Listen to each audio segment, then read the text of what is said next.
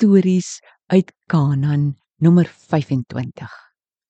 Naomi en Elimelek gaan na Moab. Rit 1. Lekker lekker storie tyd. Die Bybel vat ons ver en wyd. Stories van die ou ou tyd God se liefde vanaf daardie tyd. Sy liefde loop deur ons eie tyd tot Jesus kom vir die ewigheid.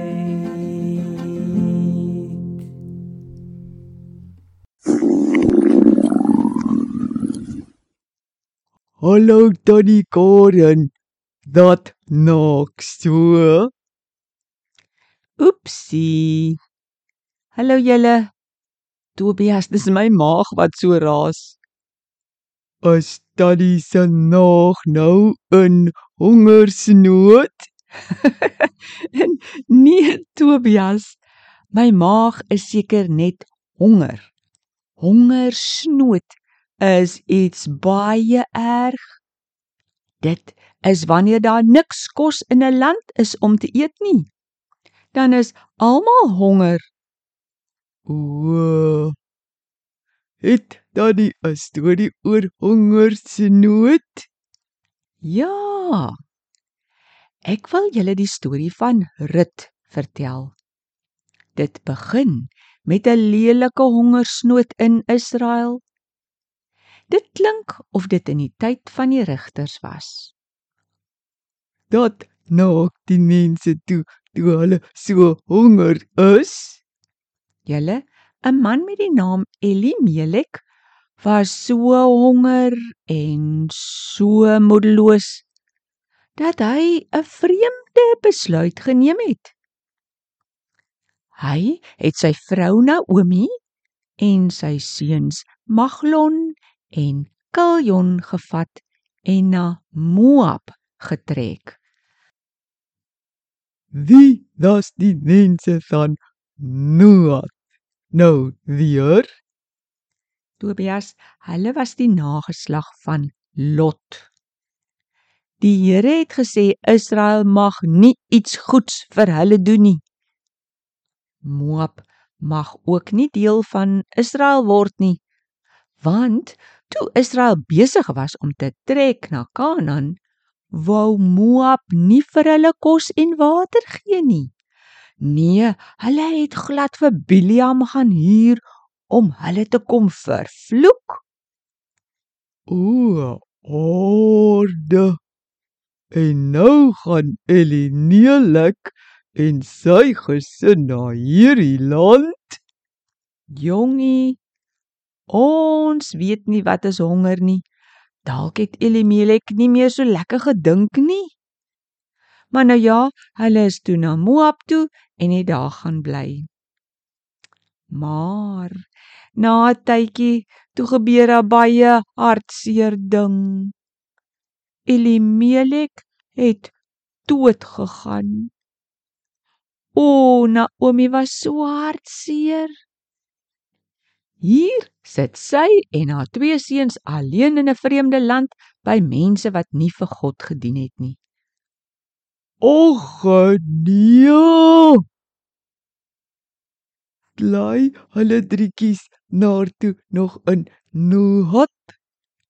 Ja, hulle bly toe nog daar want daar was steeds hongersnood in Israel. Maglon en Kiljon het seker daar 'n werkie gedoen en die jong mense van die land ontmoet. Al het God gesê Israeliete kon nie met Moabiete trou nie, het hulle tog besluit om met die Moabitiese meisies Orpa en Rut te trou. Hmm. Dis nou vir jou interessant. Naomi en Maglon en Kiljon en hulle twee vrouens het so 10 jaar gewoon in Moab. Maar Tannie sê alweer noor. Het iets gebeur? ja, iets aakligs het gebeur. Maglon en Kiljon is albei dood. Toe is Naomi nou eers hartseer.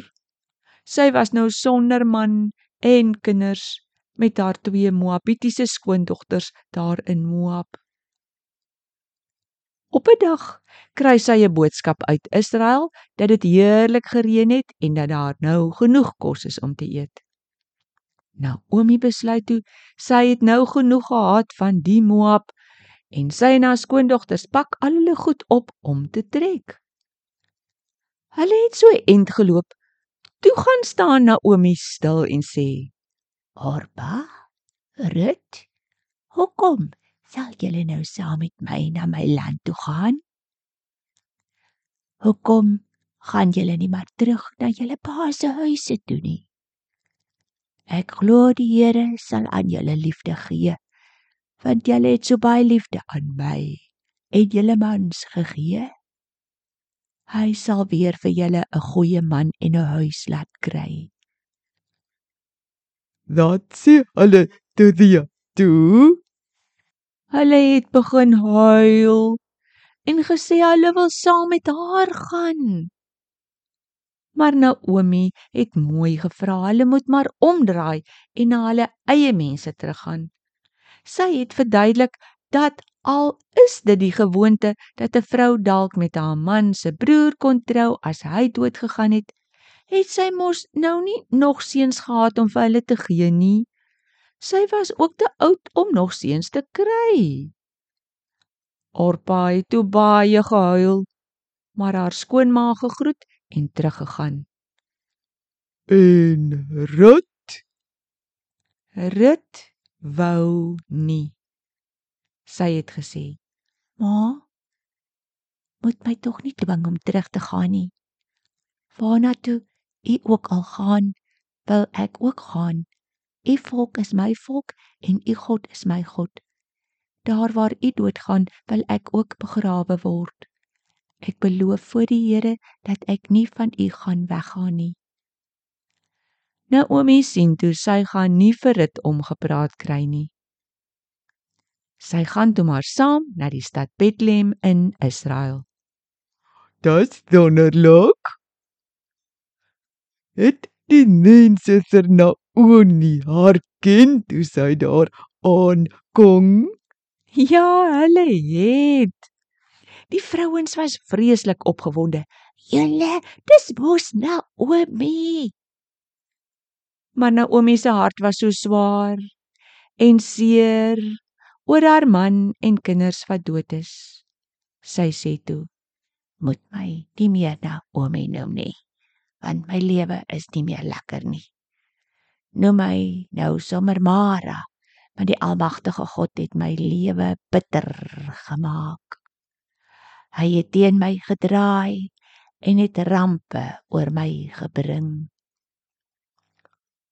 Daddy, das nou nie nie darm dikkie te ditter nie. Sy het dan 'n wonderlike skoondogter daai haar gehad. Ja, Tobias. Partykeer is ons ook hartseer oor swaar dinge en is dan soms nie dankbaar vir wat ons het nie. Ons sê sommer die sleg is God se skuld en is kwaad vir hom. Maar ons gaan nog lekker stories vertel oor dit. Dan sal ons sien hoe die Here vir Rut gebruik het om vir Naomi te seën en hoe goed God is. O, fantasties. Nots. Ons gaan dan nou na grootster vandag. Kom gou weer. Verrit sy hele storie. Ek sien so uit om dit te hoor. Tot sins dan eers. thank you